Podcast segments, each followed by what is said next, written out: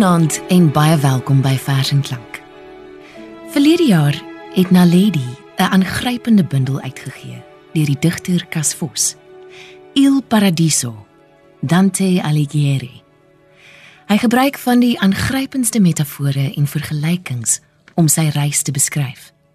Sonder twyfel, een van die briljantste digters ooit. En Cas Vos se vertaling is die eerste vertaling daarvan in digvorm in Afrikaans. Hy wend verrassende en sprankelende metafore en vergelykings in sy vertaling aan. En hy vertaal al die latynse himnes op 'n indrukwekkende wyse. Ek gesels vanaand met Kas so oor klankgolwe van Kaapstad na Johannesburg en dit is my 'n groot voorreg. Hallo Kas. Hallo Frida. Kas, wat het jou genoop of jou belangstelling geprikkel om hierdie besonderse werk te vertaal? Frida al met die klankgolwe langs wil ek en Dante op die vraag antwoord. Ek het in 2017 brokke uit al drie dele van Dante Alighieri se La Divina Commedia vertaal. Naamlik die Inferno, die Hel, die Purgatorio, die Loutering en die Il Paradiso, die Paradys. En ek kon dit net nie daar laat nie. Dit was onmoontlik uit my aangegryp. En ek het besluit om die hele Il Paradiso van kanto 1 tot kanto 33 te vertaal. Dis 'n dik bundelkas. Dis 'n dik en gedigte bundel. Hoe lank het dit jou geneem? Frida, ek het 4 maande dag en nag Italiaans gelees. En dit het soos 'n stroom water gekom, helder fonkelend.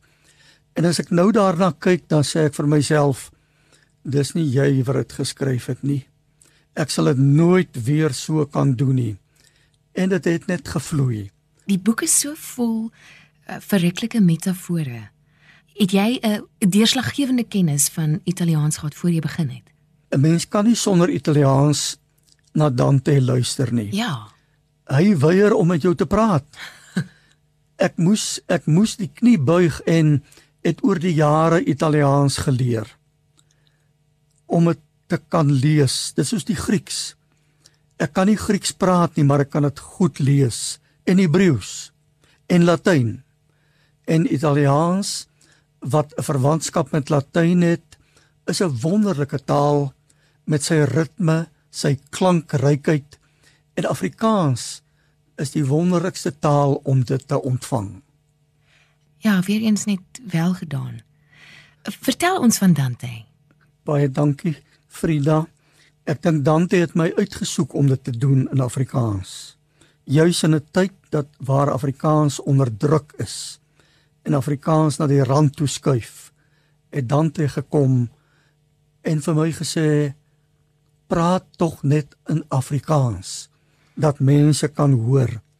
Dante Frida is in 1265 in Firenze, Florence gebore.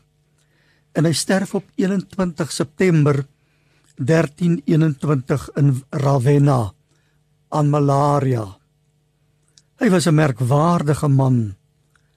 Hy het tot die aptekersgilde behoort.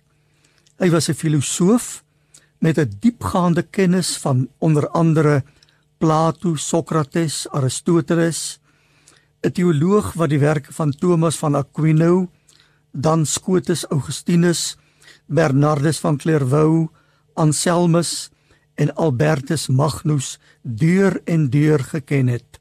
En dan het hy Virgilius, die Latynse digter, bewonder. Ek dink eerlik hy kan in dieselfde asem genoem word as Homerus en Shakespeare en die Psalmbundel.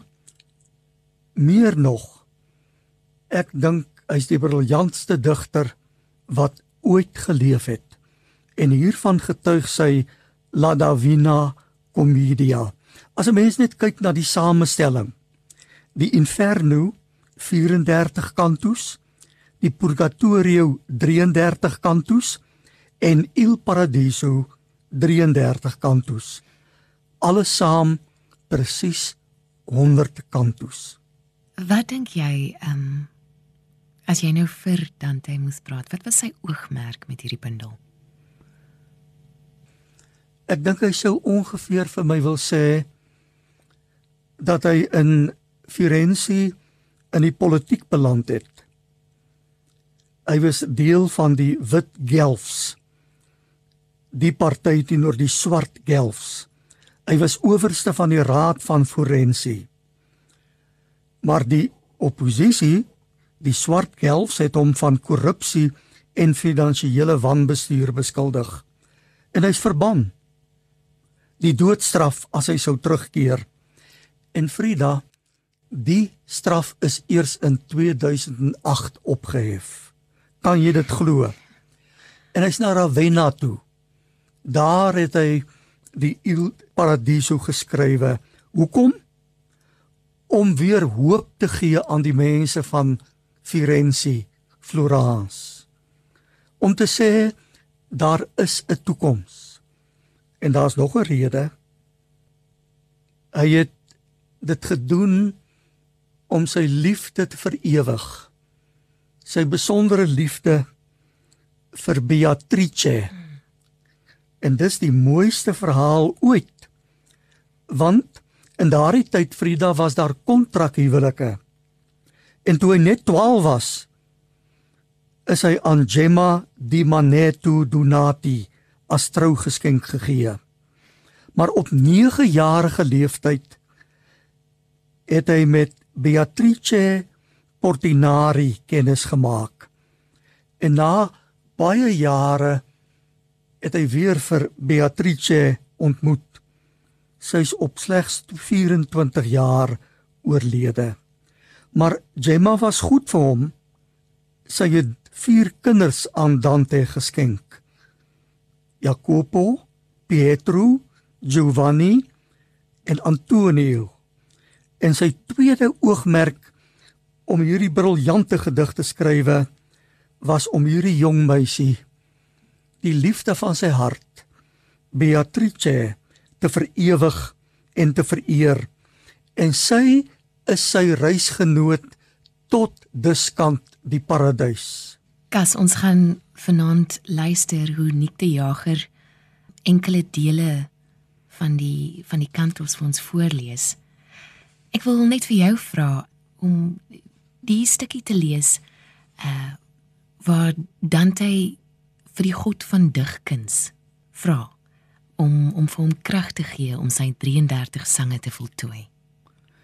Ek doen dit baie graag Frida o gedigte Apollo ek smeek jou vir krag om my so aan die laaste taak te wy dat mense my die laurierkrans waardig ag reken nou net leser as ek nie voort sal gaan met my gedig nie, nou halt roep, hoe gretig jy sal verlang om die verdere gang te verstaan. Kas ek sê vir jou baie dankie en dankie dat jy gereis het om met ons te kom gesels vanaand en ek hoop jy geniet hierdie kantus en hoe dit sit in Nick die Jager se stem. Frida, dit was wonderlik om met jou te gesels. En Dante hier langs my sê ook baie baie dankie aan jou en ook aan Nik.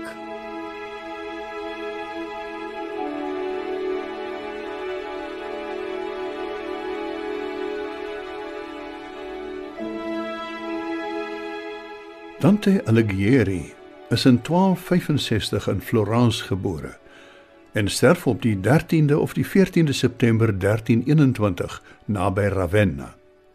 Hy was een van die briljantste digters van alle tye. Die reis van die Inferno, die hel, na die Paradiso, die paradys, word meesterlik voltooi. Dante het soos 'n vlugteling rondgeswerf. Ten spyte van sy swerwerskap, was hy ontslaaf van die kwellende en politieke kleinsieligheid van Firenze, wat tot die verlede behoort. Dante wou 'n gedig skep wat sy liefde vir Beatrice waardig sou wees. Hy wou verder sy onskuld aan die wanpraktyke waarvan hy valslik beskuldig was, duidelik maak. Op sy reis lei hy die leser van hemelsfeer tot hemelsfeer, tot in die 10de sfeer, die Empyreio, die vurige hemel waar God heers. daarmee gee hy hoop en 'n uitsig vir die onbekende toekoms.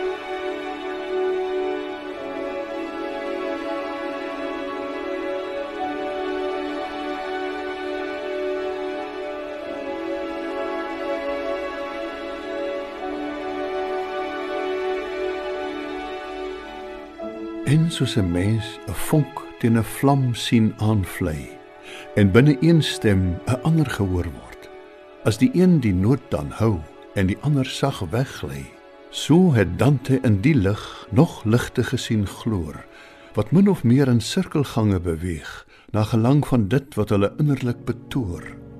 Daardie heilige ligte beweeg so snel terwyl hulle die dansbaan glansend verlaat en die serafs met weergalose vreugde vergesel. En toe, tussen die jubelende skare, hoor Dante so Hosanna galm dat hy steeds begeer het dat dit hom weer moet bekoor.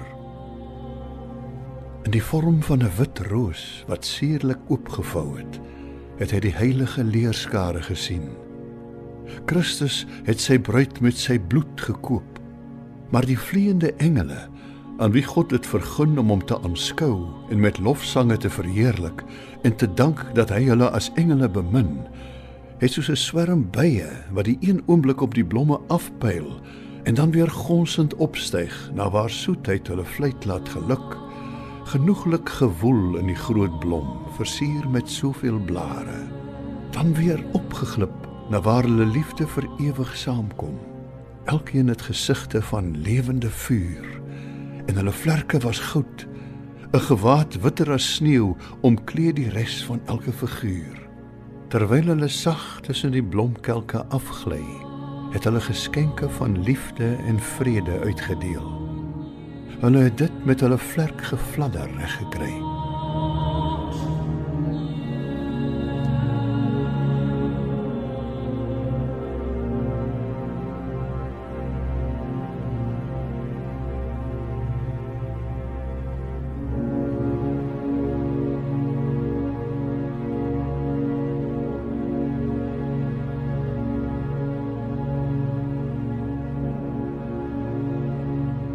Alles wat ek gesien het, was soos 'n glimlag van die heelal. Druppels verwondering het my gehoor en gesig bedek. Dit was melksag. O geluk, o onuitspreeklike verblyding. Lewe wat oorloop van liefde en vrede. O vaste rykdom, vry van elke hinkering. Eer aan die Vader, die Seun en Heilige Gees die intoglied in die volmaakte paradys. Die hemelse lied is ingegee deur u Gees.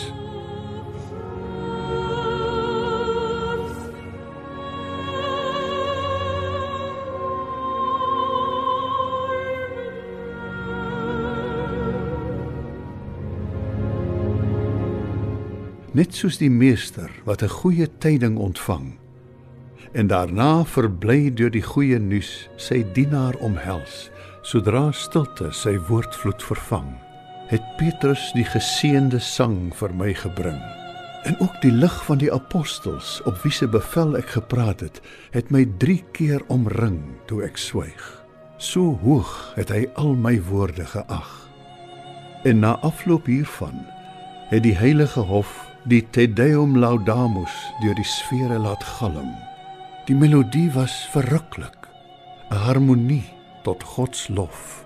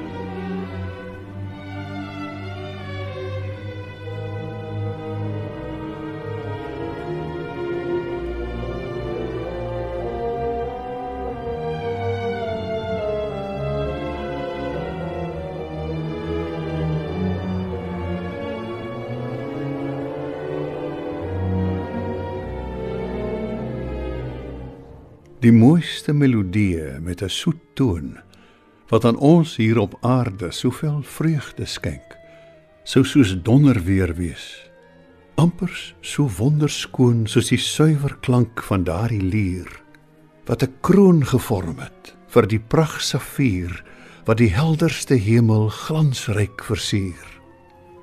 Die bloosende hemelse vrou verdien sange. Uit haar moederskoot straal die hoogste blydskap wat die herberg was van ons diepste verlange. Die vlam met bly wentel, maar sonder melodie. En al die ander ontelbare ligte het toe Maria se naam lofryk uitgeroep in harmonie. Soos 'n pasgevoede suigeling sy arms na sy moeder uitstrek, verlangend na haar koestering, so het elkeen van die ligte hulle vlam na bo uitgehou sodat ek hulle bruisende liefde vir Maria soos water in 'n rivier kon sien opdam. Terwyl hulle rondom my sweef, hoor ek hulle sing, koningin van die hemel. Die lied is magnifiek en lofryk in my oor.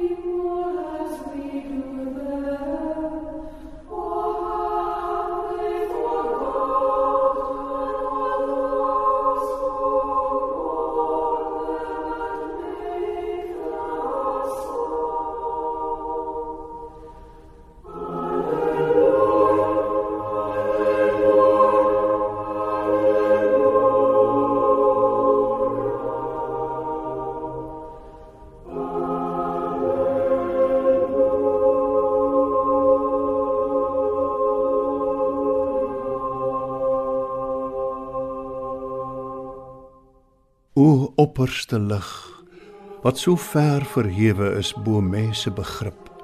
Skenk aan my geheue 'n afskynsel van u volmaakte beeltenis. Ek vra u, gee aan my woorde soveel krag dat dit 'n geringe vonk van u glorie mag nalaat aan die toekomstige nageslag. Want deur 'n vleugie hoop aan my herinnering in al hierdie verse klankryk te laat ekho sal siele u grootheid majesteitlik besing. As gevolg van die glansrykheid van hierdie straal wat my omlig het, sou blindheid my getref het as my oë 'n oomblik daarvan sou wegdwaal. Ek onthou dat ek gevolglik dieper moes kyk. So naby was ek dat my blik die oneindige deug, die ryk wonder bereik. Hier het krag ontbreek vir die hoë verbeelding maar my begeerte en wil is diep ontroer deur die liefde wat die son en sterre laat sing. O ewige lig wat alleen in uself woon, alleen uself deurgrond, op uself gerig, uself bemin, u glimlag en u liefde toon.